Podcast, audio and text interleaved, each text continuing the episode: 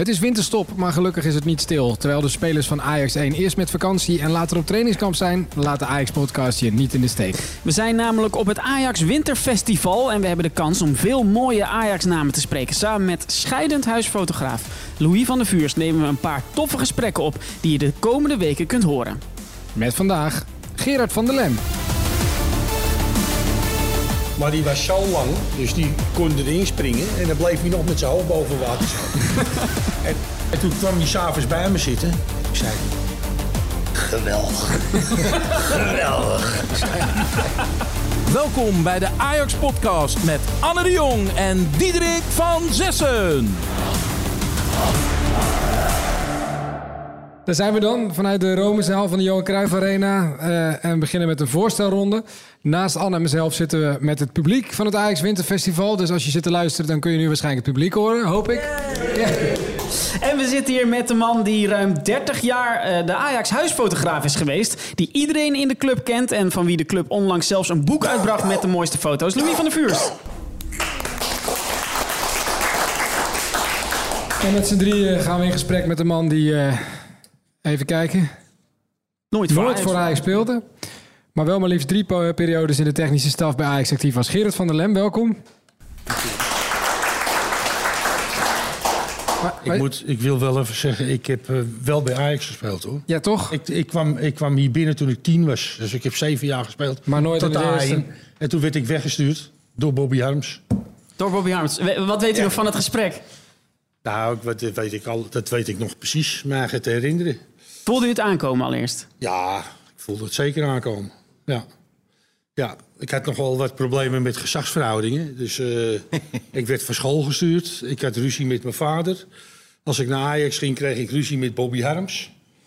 Eh, dus ik had eigenlijk eh, voor mijn gevoel met de hele wereld ruzie. En dat vond iedereen niet zo erg. Alleen, eh, ze wouden er niet mee geconfronteerd worden. Ze vonden Dus, allemaal... eh, ze zeiden van, eh, weet je wat jij gaat doen? Ga maar lekker ergens anders voetballen. ja. Nou ja, dat heb ik gedaan. Maar Is het ooit nog wel goed gekomen tussen u en Bobby Harms? Ja, want ik heb daarna nog negen jaar met hem gewerkt. Ja. dag in dag uit. Ja, echt dag in dag uit. En wat, maar wat, zei, wat zei hij dan over die tijd? Was, het gewoon, Nou, was, was echt puberteit? Hij vond het moeilijk om erover te praten. Hij, was, hij past op mij zijn irritatietrainingen ook toe. En, eh, Wat zijn dat, irritatietrainingen? Nou ja, hij probeert iemand mentaal weerbaarder te maken. En, eh, maar ja, ik vocht er tegen. Ja. Ik vocht er tegen. Maar wat deed hij dan om, om in die irritatie eh, op te wekken? Nou ja, hij, hij, hij, hij floot be- bijvoorbeeld een partij. En als er een bal uit was, die was voor mij, die pakte ik dan. Dan zegt hij, nee, is voor hun. Je, dus- Ja. dus- en dan zei ik van nee, die bal is van, van mij. Want die, hij, hij schiet hem uit. Hij zegt, ik zeg dat die voor hun is. Nou ja, een ander, hè, Pim van Dort, waar ik mee speelde toen in de jeugd. Ja. Eh, en Gerry Clayton, ja, nou ja, die gaven die bal. Maar ja, ik hield die bal vast en ik ging door. Ja, tot er, tot er een eind aan kwam natuurlijk. En dat was dat ik naar binnen moest. En dat deed hij keer op keer op Dat deed keer. hij keer op keer. En ik ging iedere keer maar weer er tegenin. Ja. En eh, Maar nou ja, had hij, niet, had hij niet gewoon het gevoel dat hij een beetje de pik op u had?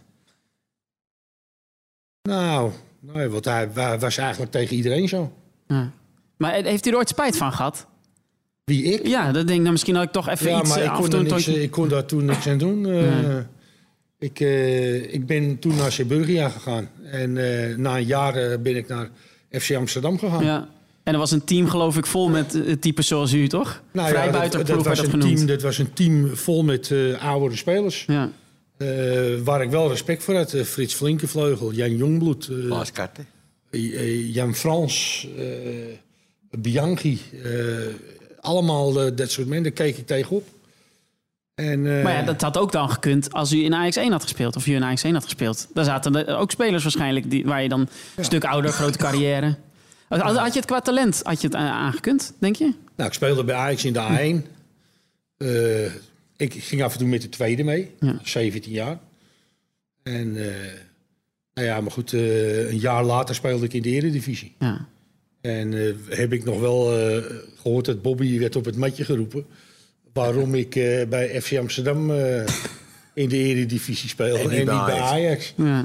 Maar goed, Bobby had gelijk. Hij heeft, toen hij dat zo deed, toen deed hij dat bij iedereen zo. Ja. En eh, ja, ik was alleen, ik kon er niet tegen. Ja. En, eh, dus ik ging er tegenin. Uiteindelijk met een omweg zijn we toch weer bij elkaar gekomen. En eh, het vervelende was altijd dat Leo Beenakker iedere keer vroeg aan hem... Zeg, Bobby, eh, vertel nou eens, hoe is dat nou toen gegaan met eh, Gerard in de jeugd? ja, en, daar, en Bob wou er nooit over praten. Maar dat was Ajax in, in ieder jaar ook, de- ondanks dat je, dat je werd weggestuurd, wel eh, je club? Ja, ja. Ja, het was mijn eerste club. Je, toen mocht je pas voetballen als je tien was. En ja, het, ik moet wel zeggen dat ik, ik moest de, de thuiswedstrijden van Ajax in de Meer... eh, moesten we achter, het, achter de goal staan. En dan kwam onze leider, die kwam tellen zo, eh, wie er allemaal waren. Als je er nou niet was, speelde je de week erop niet. Nee. Maar de week erop speelde Ajax uit. Er speelde DWS thuis. En mijn vader ging altijd naar DWS. En dan moest ik met mijn vader mee naar DWS. En dan zat ik te kijken naar mensen waar ik dus zeven, acht jaar later mee speelde. Ja, ja, ja, ja. In het eerste. En eh, dat was ook wel apart. ja, ja, zeker. En, eh, Louis, eh, wanneer heb jij Gerard voor het eerst ontmoet? Nou ja, in, in die periode dat ik bij Ajax kwam. Ja. Ongeveer En- tegelijk en- misschien wel, of niet? Nou, ik was er iets eerder voordat Gerard en Louis bij het eerste zelf Ja, kwamen. ja. Maar in de jeugd heb je hem niet meegemaakt? Nee, nee, nee, nee, nee. Nee. Ja, ik weet het nog wel. Ja. Ik ging ook naar DWS vroeger. Ja, ja, ja. Ik heb zelf voor DWS proefwedstrijd gespeeld. Ja, ja. Maar en Gerard, vervolgens kwam je dus weer terug bij Ajax eh, met Louis van Gaal. Ehm, hoe, hoe, is dat, hoe is die connectie eigenlijk ontstaan? Nou, ik zat, eh, ik zat eh, op de trainerscursus met Louis. Eh, ik werkte bij Haarlem. En toen moest ik een training geven en dat deed je met de cursisten. Dus al die cursisten, de, dat waren dan, was bijvoorbeeld mijn elftal. Ja. En dan ging ik een training maken. En, en toen moest zei- Louis van Gaal je oefening doen. en Louis moest mij een oefening doen. En toen zei Louis tegen mij... eh, eh, ja, als je het veld aan alle twee de kanten drie meter smaller maakt... dan komt het beter uit. Dus zei ik... eh, ja, maar Louis, ik zeg... zondag is dat veld ook niet drie meter smaller aan iedere kant. Dus doe nou maar gewoon wat ik zeg. En toen zei hij het nog een keer. Toen, zeg ik, toen zei ik tegen hem... Moet je horen, als je er geen zin in hebt... dan stop je gewoon en neem ik een ander. Dus of je doet wat ik zeg, of je... Tegen Louis van Gaal. Ja, ja was, eh, was ook assistent trainer. Ja, ik ben Eh, heel benieuwd, ik ben heel benieuwd hoe het verder gaat. En toen kwam hij s'avonds bij me zitten. En toen zei hij... Geweldig. Geweldig. en toen zei hij ook van... Ja, eh, hij, zegt, hij zegt... Ik denk dat wij samen de toekomst van Ajax kunnen veranderen. Dacht ik, wat je het nou Dat zei hij al op de trainingscursus. Dat, ja, dat, eh, toen hij was nog assistenttrainer Ja. en ik was, ik was eh assistenttrainer bij Haarlem. Toen dacht ik, heb je het over? maar ja, toen kreeg ik eh, dus in, in mei kreeg ik een telefoontje van Beenakker of ik bij Ajax zou werken. Ik wist niet in welke rol, maar dat bleek dus toen als hoofdjeugdopleidingen te zijn. en dat heb ik gedaan. En eh, ik wa- was eigenlijk best wel trots op dat mijn club me weer eh, terugvroeg. En eh, ik ben begonnen als hoofdjeugdopleidingen. Ja. En ik Terwijl had, eh, eh, je zelf uiteindelijk die opleiding niet hebt afgemaakt, om het zo Ja, te zeggen. En dan toch hoofd geworden. precies. En ik heb heel veel lastige jongens gehad. Die, die ik met mijn ervaring er toch doorheen gesleept heb. N- Noem er eens een paar. Nou, bijvoorbeeld Edgar Davids. Eh, Dat, die had hetzelfde kunnen overkomen als wat jou ja, overkomen was. Ja, zonder meer. Zonder meer. En eh, ja, goed. eh, Maar wat zeg je dan tegen ze? Nou ja, Edgar eh, ontspoorde wel eens. En hij, ik deed ook twee elftallen. De, de B1 en de A1. In de B1 zat Seedorf, en Reuzer, Olida. En in de A1 zat, zat Davids, onder andere. En ik speelde een wedstrijd eh, eh, bij FC Utrecht met de A1. En Edgar was geblesseerd, had zijn pols gebroken. En op zijn plaats speelde Ignacio Tuuteru. Ik weet niet of u die nog kent. Klein Even, Indische- kunnen even in de zaal kijken. Ignacio Teoteru, Ja. handen Heeft omhoog. geloof ik wie de nog nog wel gehaald Ja, uiteindelijk. Ja, er gaan nog wat handjes omhoog. Ja. Eredivisie gehaald. En eh, nou ja, we speelden bij Utrecht en eh, die mensen gingen zo tekeer. er stond een rechtsback Nou, dat was van dik hout, zagen en planken. en ze gingen die bek gingen ze maar steeds a- opzwepen van... eh, schop die molukken eruit, schop die molukken eruit. En dit en dat. En, Ignacio, die moest springen iedere keer. En, Ja. eh, ja, op een gegeven moment kreeg hij toch een, zo'n schop dat, dat iedereen liep te juichen. En toen hoorde ik een beetje ontsteltenis achter me. En toen bleek dat, dat Edgar, die had daar wat van gezegd. En nou, er waren er twee of drie, die wouden hem belagen. Zo. En toen ging hij slaan met die gipsarm. nou ja, dan lag er één eh, lag er helemaal eh, gestrekt. Knock-out. En eh, nou ja, dan k- heb je het alweer. En dat, dat mag dus niet. Hè, want als Ajax-speler moet je je eigenlijk altijd inhouden. Maar ja, soms is dat wel eens moeilijk. Wat, wat he- heb je toen tegen hem gezegd? Nou ja, het, het ging niet om wat ik tegen hem zei. Het ging erom dat Utrecht een klacht indiende. Ja. En dat eh, dat, dat eh, niet eh, de eerste keer was dat dat gebeurd was met Edgar. En ik moest maandags op kantoor komen bij, bij Beenhakker en bij Louis van Gaal. En ze besloten om hem weg te sturen. Want eh, het was, eh, het zou niet goed komen met hem. En nou, toen ben ik daar vol gaan leggen. Ja. Met mijn verleden ook in mijn achterhoofd.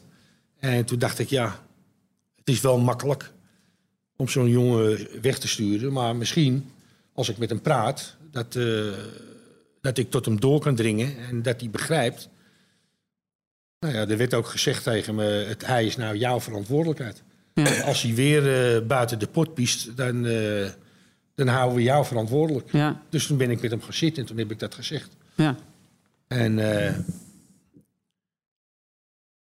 Maar, dat, maar uiteindelijk eh, even, heb je toch de juiste snaar weten te raken. Want hij is een succesvol eh, ja, voetballer geweest, de hele wereld gezien. Ja. Ajax eh, ja, natuurlijk nou, goed gespeeld. gelukkig wel. Voor, eh voor Edgar zelf. Ja. Want dat Maar het had ik- niks gescheeld of hij was weggestuurd en dan weet je niet wat er was gebeurd Nee. natuurlijk. Nee. Nee. Ik geloof ook dat met Jari Liedman ooit, dat hij ook bijna weggestuurd is door Ajax. Ja, Dat, is een stukje verderop in de tijd, geloof ik. Ja, ja. ja Wat was het verhaal daarover? Nou ja, Jari had, Jari had zijn stage gelopen. Eh, overal. Ja. Eh, bij Barcelona, bij PSV, eh, Liverpool. eh, Liverpool. eh, kwam bij ons. En we hebben hem twee, twee weken meegenomen. We gingen naar, nog naar Finland. eh, eh, een trainingskamp.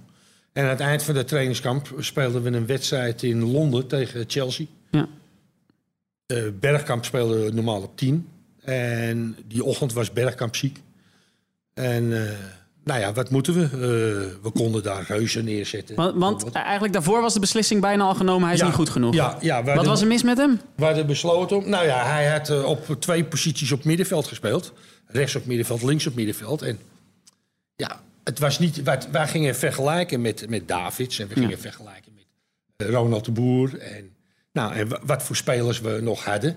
Hè, voor Davids hadden we Oelida. Die was wel heel jong. Eh, op de plaats voor Ronald de Boer, daar kon ook Reuzen spelen, bijvoorbeeld. Ja. De kon Vinicius George spelen. Die kwam wel wat later, moet ik zeggen. Maar goed. Zo keken we dan. En, en eh, voor Jari, ja, die, die kwam als tien. Dus die hebben we op tien laten spelen. Of nee, die kwam Nee, niet die als kwam- tien. Hij nee, kwam als middenvelder. Ja, als middenvelder. En toen Ja. was Bergkamp geblesseerd. Ja. Dus toen En hebben jullie gezegd, we geven hem een kans daar in Londen. Ga je nou mijn verhaal vertellen? ik denk, ik, eh, ik, denk ik, ik breng je een beetje Nee, weer, nee, eh, het ja, juiste ja, pad. ja. En eh, nou ja, goed, we gingen naar Londen toe die eh, vrijdag. En zaterdag speelden we daar. En we zaten al 's morgens over, zo over die opstelling. Nou, wat zullen we doen? Nou, oké. Laten we Jari er neerzetten. Dan geven we hem nog een kans. En het leek wel of die positie voor hem gemaakt was. Ja. Hij speelde daar zo geweldig in die wedstrijd. Dus in feite dat we in maandag een slecht nieuwsgesprek hadden... waren we helemaal om en hadden we een goed nieuwsgesprek met hem. Ja. Ook nooit meer spijt van gehad, denk ik.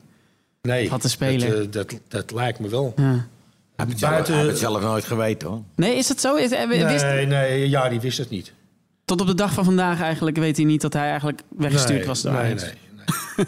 maar goed, Het heeft hij, ook geen zin om het te zeggen natuurlijk. hij, hij, was, eh, hij was geloof ik al bij zes, zeven clubs eh, weggestuurd. Ja. Ja. En, En- en niemand had hem in tot die. Het was eigenlijk puur toeval dat hij daar op 10 terecht gekomen is. Ja, ja dat, we, dat we dachten van nou ja, we moeten die, die positie invullen. Nou, Ja. laten we Jari doen, kijken hoe die doet. En, eh, Nee, maar nee, kijk, ik, ik heb Jari Liedman alleen meegemaakt in zijn hoogtijdagen als klein jongetje. En dan, dan hij speelt daar, hij speelt, hij, hij was gewoon de nummer 10 van Ajax en later van Liverpool en van Barcelona. Ik kan me amper voorstellen dat iemand eh, ooit iets anders in hem gezien heeft dan een nummer 10. Waarom, waarom was dat tot dat moment Ja, eigenlijk maar, nooit maar, gezien? maar zoveel clubs eh spelen er niet met een nummer 10. Ah, dat is later allemaal pas gekomen. Ja, Nee, de, heel veel clubs, bijvoorbeeld in Engeland, spelen allemaal 4-4-2. ja. ja. Ja. Geen eh, nummer Nee, 10. nee. En, en eh, eh, je, je hebt ook eh, heel veel clubs in Nederland die spelen met, met eh, twee middenvelders en één controlerende. Ja. heb je ook geen nummer 10. Nee. Hè, zoals hij is nu speelt met eh, Van der Beek of met Ziyech, die twee. En, En daarin hebben jullie maar dat wij hadden toen echt nog een, een nummer 10. ja. En, en eh nou, Jari had ook het vermogen om, om als we in balbezit waren in de aanval, was hij in de 16 meter. ja. En bij balverlies stond hij weer op middenveld, Ja. had hij een man. En, en hij kon dat opbrengen. Hij, hij, hij maakte heel veel kilometers. En eh, ja, dat was dus eigenlijk een masseltje voor ons. En uiteindelijk voor eh, Jari ook. Voor hem hij ook, is, ja. Hij is wereldberoemd geworden. Ja, ja. Ik begreep ook uit die tijd, toen, toen, u, toen je assistent werd, dat je niet alleen assistent was, maar ook inderdaad trainer van het tweede. eh, en de scouting deed van de aankomende wedstrijd. Dus dat was bijna eh, eh, een week voor vijf mensen in één baan gestopt. Wie had dat bedacht? Ja, nou ja. eh, ik moet eerlijk zeggen, toen ik, eh, toen ik assistent werd van Louis... daar heb ik eerst nog even over na moeten denken. Dat vond hij ook ongelooflijk. dat je erover, weet je wel, door hem gevraagd? Ja, dat ja, ja, ja. En, maar ik zeg, ja, ik heb een geweldige baan in, eh, bij de jeugd. En Ja. eh, ik ging de hele wereld over. Ik ging naar Japan, ik ging naar Dallas, Texas. Louis is nog mee geweest. Zeker. Dus eh, ik heb daarover na moeten denken. Maar goed, toen kwam ik bij het eerste. Toen hebben we ons eerste jaar gefocust op het eerste alleen. Eh, met z'n tweeën. En toen eh, wonnen we ook de UEFA Cup finale. Hadden we helemaal niet verwacht. Nee. En het jaar daarop zeiden ja, ik wil toch wel graag dat je het tweede erbij doet. Want dan, zoveel spelers hebben we niet. En, en dan hebben we, daar zitten we heel erbovenop hoe die spelers zich ontwikkelen. En wat we kunnen gebruiken bij dat eerste. En eh, nou ja, dat betekende dat, eh, dat eh, als smiddags om vier uur iedereen naar huis ging... dan ging ik om vijf uur nog een keer het veld op. En dat deed ik zes keer in de week met de tweede. Zo. En eh, die speelde 's maandagavonds competitie. Ja, moest er even bij. eh, nou ja, dan had ik 's maandagavonds vaak dat ik die competitie deed. En als we dan de Champions League speelden, dan, dan zat Ajax zat al in het hotel, in Wassenaar of waar dan ook. En dan, eh, dan had hij 14 of 15 spelers bij hem. En dan kwam ik s'avonds daar naartoe Ja. met nog twee spelers uit de tweede. Die dan nog op de bank konden Ja, zitten. nou, dan kwam ik om 9 uur eh, binnen, half tien, tien uur, half elf Ja. na die wedstrijd. En, eh, en daarbij deed ik ook de, de tegenstanders in kaart brengen. Dus ik vloog in het weekend ook naar eh Milaan of naar Rome. Of naar, en dan maakte ik analyse. En nou, dat besprak ik dan met Louis. Nou, dat deed ik misschien nog een keer. En, en, eh, Maar is dat wel vol te houden? Tenminste, ja, je hebt het nou, volgehouden, ja, maar ja, maar ik moet eerlijk zeggen, je, je bent dan, eh, eh, laat ik zeggen, 8, 39 jaar, jaar oud. En dan je werk, je vindt je werk leuk. En dan heb je er eigenlijk geen erg ja, in. ja. En allemaal voor de club. Ik zei altijd tegen, die, tegen mijn kinderen, maar je vader hoefde nooit te werken. Die was altijd met zijn hobby bezig. Ik was altijd met mijn hobby bezig. Ja, En, maar het, het was wel, eh, ja, we hadden wel, eh, ja, moet ik zeggen, bijvoorbeeld als we zondags een thuiswedstrijd speelden, eh, hier zo, of in de meer nog, dan, nou ja, het, het enige wat we samen hadden was dan na de wedstrijd dat we samen wat gingen eten Ja, met de kinderen. dat was het enige Want- moment dat je ze echt zag in de Ja, week. Ja, ja. ja, ja. Maar ja, Louis, ik moet zeggen, als ik ergens speelde met de tweede, was Louis er ook op maandag. Ja, ja, ja. Omdat jij deed, deed ging Louis Ging ook zeven ook, dagen. ja. Ja. Ja. Ehm, eh, andere Louis, Louis van der Vuurst. Ehm, wat voor trainer was eh, Gerard? En waarom vulde hij Louis van Gaal zo goed aan? Jij hebt het allemaal vanaf de zijkant gezien natuurlijk. Ja, maar Ge- als Louis eh, rood zei, zei Gerard zwart. In de training. Ja, maar altijd, eh, wat, wat, wat Gerard eh, net zei over, over zichzelf op die, op die cursus... Ja. dat deed hij later zelf bij die training ook. Hoor. Dat is, hij was absoluut geen ja-knikker zo te horen. Nee, maar dat moet ook niet. Nee. Gerard was echt wel een tegenpool. En Ja. Gerard had ook zijn eigen mening en daar stond hij altijd achter. Ja. Maar hadden de spelers daar, was het niet moeilijk om een autoriteit naar de spelers uit te blijven stralen? Als jullie het op die manier vaak oneens waren? Nee, nee hoor. Ik, zei wel altijd eh, tegen Louis, eh, toen ik begon, zei ik, moet je horen, ik zeg wat ik ervan vind. Ja. Hier, in, eh, t- eh, tussen, tussen die twee deuren. En of je het nou leuk vindt of niet. Ik zeg, anders moet je een ander nemen. Ja. Maar dat En- wou hij juist. Ja. En assistenten zijn ook altijd meestal een soort brug tussen de spelersgroep en de hoofdtrainer. Was, was jij dat ook? Ja, dat is wel zo. Ik, eh, ik hoorde wel eh, dingen eh, die, die ze moeilijk vonden om tegen Louis te zeggen. Als ze niet speelden of zo. Ja, en dat, dat, dat legden ze dan wel bij mij neer. Nou ja, en ik zevende het een beetje. Wat, ik, wat ik wel, ja, wat ik wel eh, doorgaf en wat ik niet doorgaf. Ja. ja. Dat is een rol van een goede assistent. Ja, weet ik niet, eh, maar zo deed ik het. En eh, Louis wist dat ik dat zo deed. Ja. Dus, en, en ik begreep ook dat er meer humor zat bij jou dan bij Louis van Gaal. Nou, dat viel wel mee. Daar kan Louis van der Ik Vuur wel. wat over Ik denk vertellen. het wel. Jawel. Vertel eens. Nee, het is gewoon zo. Amsterdamse humor die zat bij Gerard, niet bij Louis. Ja. Nee, dat altijd. Het is altijd zo geweest. Nee, het was, het was iedere dag... eh, er was iedere dag humor, ook op de trainingen. Ja. Ook bij, de, bij de, de intensiteit was zo hoog op een gegeven moment bij onze trainingen.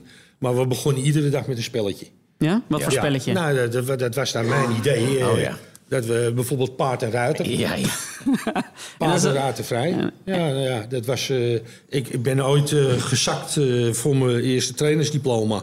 Toen ik dat deed in Zeist. Paard en ruiter? Want dat was helemaal niet goed wat ik deed. Maar wat, wat, wat, we moesten dan dan Nou zeggen? ja, je hebt, daar, je hebt dan een... eh, een, een je, je, je bakent een ruimte af, een vierkant.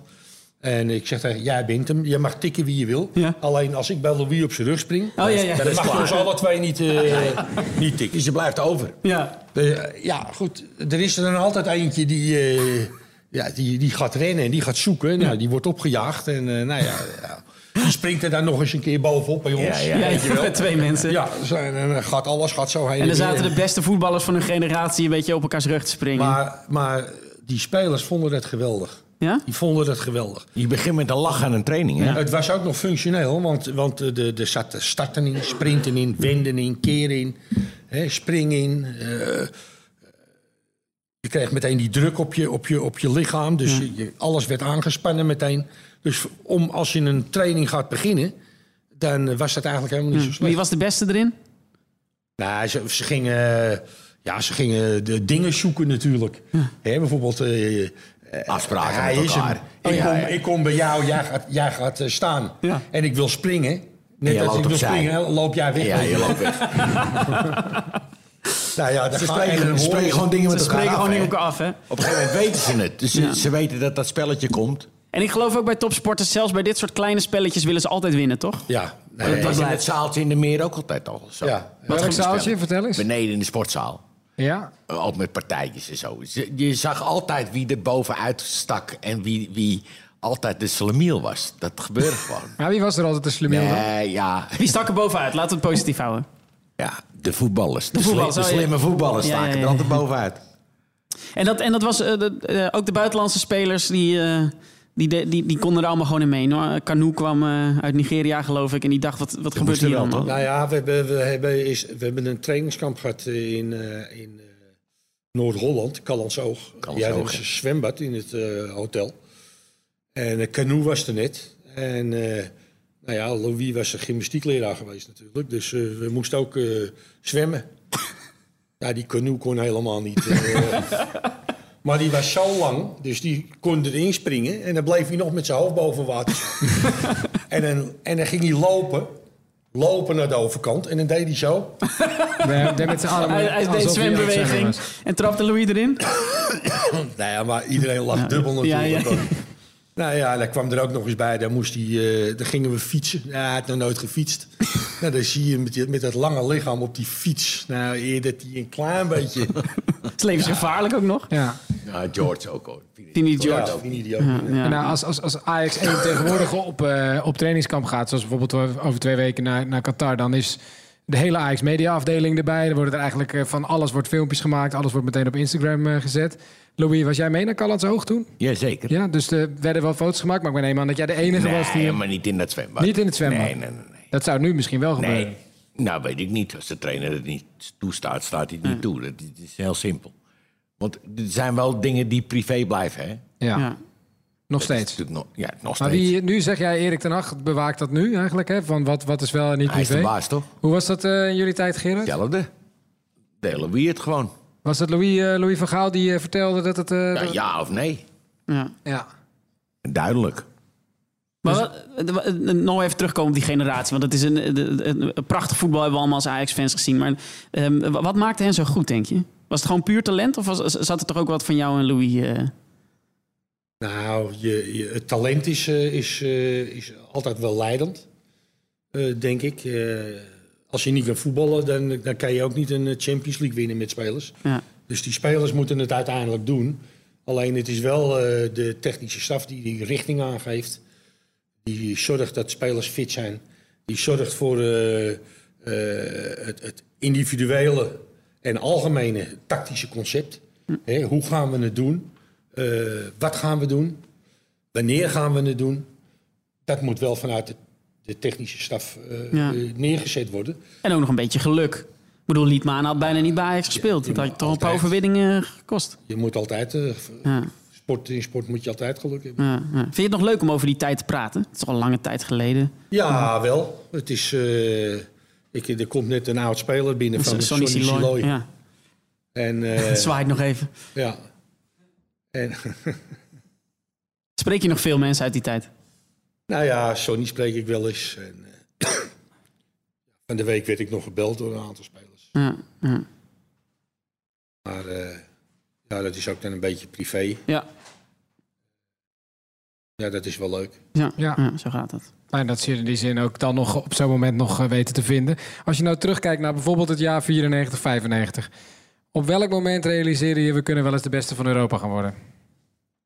Ehm, nou ja, eigenlijk toen we die eerste wedstrijd wonnen van AC Milan, Ja, de eerste meteen. eerste partij, toen dachten we, nou, wat gaat dat worden dit, eh, dit seizoen? Maar toen moet ik ook zeggen dat in, in, de, in, in dat jaar, die trainingen, eh, waren zo goed. Beter dan de wedstrijden soms. Misschien. Ja, de, ze hadden meer weerstand aan elkaar als soms in wedstrijden. En, en, eh, maar er wa- ik, stond af en toe te kijken dat ik bij mij eigen dacht, eh, Louis ook hoor. En, eh, nou, wat is dit? He- Hebben we, hebben we te veel gevraagd? Hebben we... Maar het, het, het, eh, het klopte gewoon allemaal. Die Positiespelletjes of zo ging Ja, allemaal. alles, maar we, hoe, we maakten het steeds kleiner. eh, we we maakten het steeds moeilijker voor spelers. En steeds gingen ze daarin mee. En, en dan kan je je voorstellen als je een positiespel speelt in een, in een ruimte. En je haalt dan eh, aan alle twee de kanten een meter ervan af. Ja. Zou je zeggen van nou, die spelers eh, die hebben dat helemaal niet eens in de gaten. Maar het is kleiner, hè, trainer, zeiden ze dan. Het is kleiner, ja, het is kleiner. Want het werd steeds kleiner. Ja. Hun, hun ruimte om te manoeuvreren werd ook steeds kleiner. Dat merkten ze. Ja. En, en dan gaan ze naar wegen zoeken om dat, hè, de- om, dat, om dat toch goed in te kunnen vullen. Ze gaan anders staan, ze gaan openstaan, ze gaan ruimte voor zichzelf creëren. Eh, ze hebben geen tijd om een bal aan te nemen, dus je moet hem direct spelen. Dat alles is ons eh, in, de, in het eind van het jaar is dat naar ons toegevallen. Ja. En, en, en eh, ja, dat, je moet het er wel eerst in stoppen. Net als met, met wat we zagen met die standaard situaties. Ja, daar konden we gewoon wel een half uur, drie kwartier eh, op trainen. Op, een- op een corner. Eh, iedere keer maar weer diezelfde bal. En wie staat waar? En wanneer loop je? En waar loop je dan naartoe? Maar was het iets dat het de spelers zelf eh, uitvonden? Of werd het echt gezegd van jij nu de eerste paal, jij de tweede paal, dan moet je komen? Nou, wij, zeiden, wij zeiden eerst van, eh, eh, jij gaat thuis en jij gaat thuis. En jij gaat... Wat voor bal willen we? Want het is afhankelijk van die bal. Als die bal er niet, niet komt bij wat jij wil, dan houdt het op. Dus je moet dan iemand hebben met een goede trap. Nou, en, en dan doen we dat. En dan ga je het een stukje uit elkaar halen. Wat vind jij ervan? Ja. Eh, nou, zeiden er een bijvoorbeeld. Ja, misschien beter als eh, Ronald de Boer daar achterin staat. Eh, omdat hij tweebenig is. Als een bal voor zijn linker valt, kan hij ook nog wat ermee. En Finidi is alleen rechtsbenig. Dus nou, dan werd er een positie omgewisseld en dan gingen we weer. En da- dat soort dingen, ja, op een gegeven moment valt het dus in elkaar. En, en, maar als het dan werkt in een wedstrijd, ja, dan ben je hartstikke blij natuurlijk. En die spelers ook. De tijd zit erop. Er staat iemand eh, die eh, Gerard alweer eh, mee moet nemen naar het volgende adres, volgens mij. Misschien volgend jaar. Dankjewel. Dat was hem, de 45e officiële Ajax-podcast. Bedankt Joey Bodestaf voor de productie. Luister je met plezier naar onze podcast. Laat dan een goede recensie achter, zodat anderen ons ook kunnen vinden. Je kunt ons ook altijd mailen met tips, vragen of suggesties. Ons e-mailadres is podcast.ajax.nl. We lezen alles.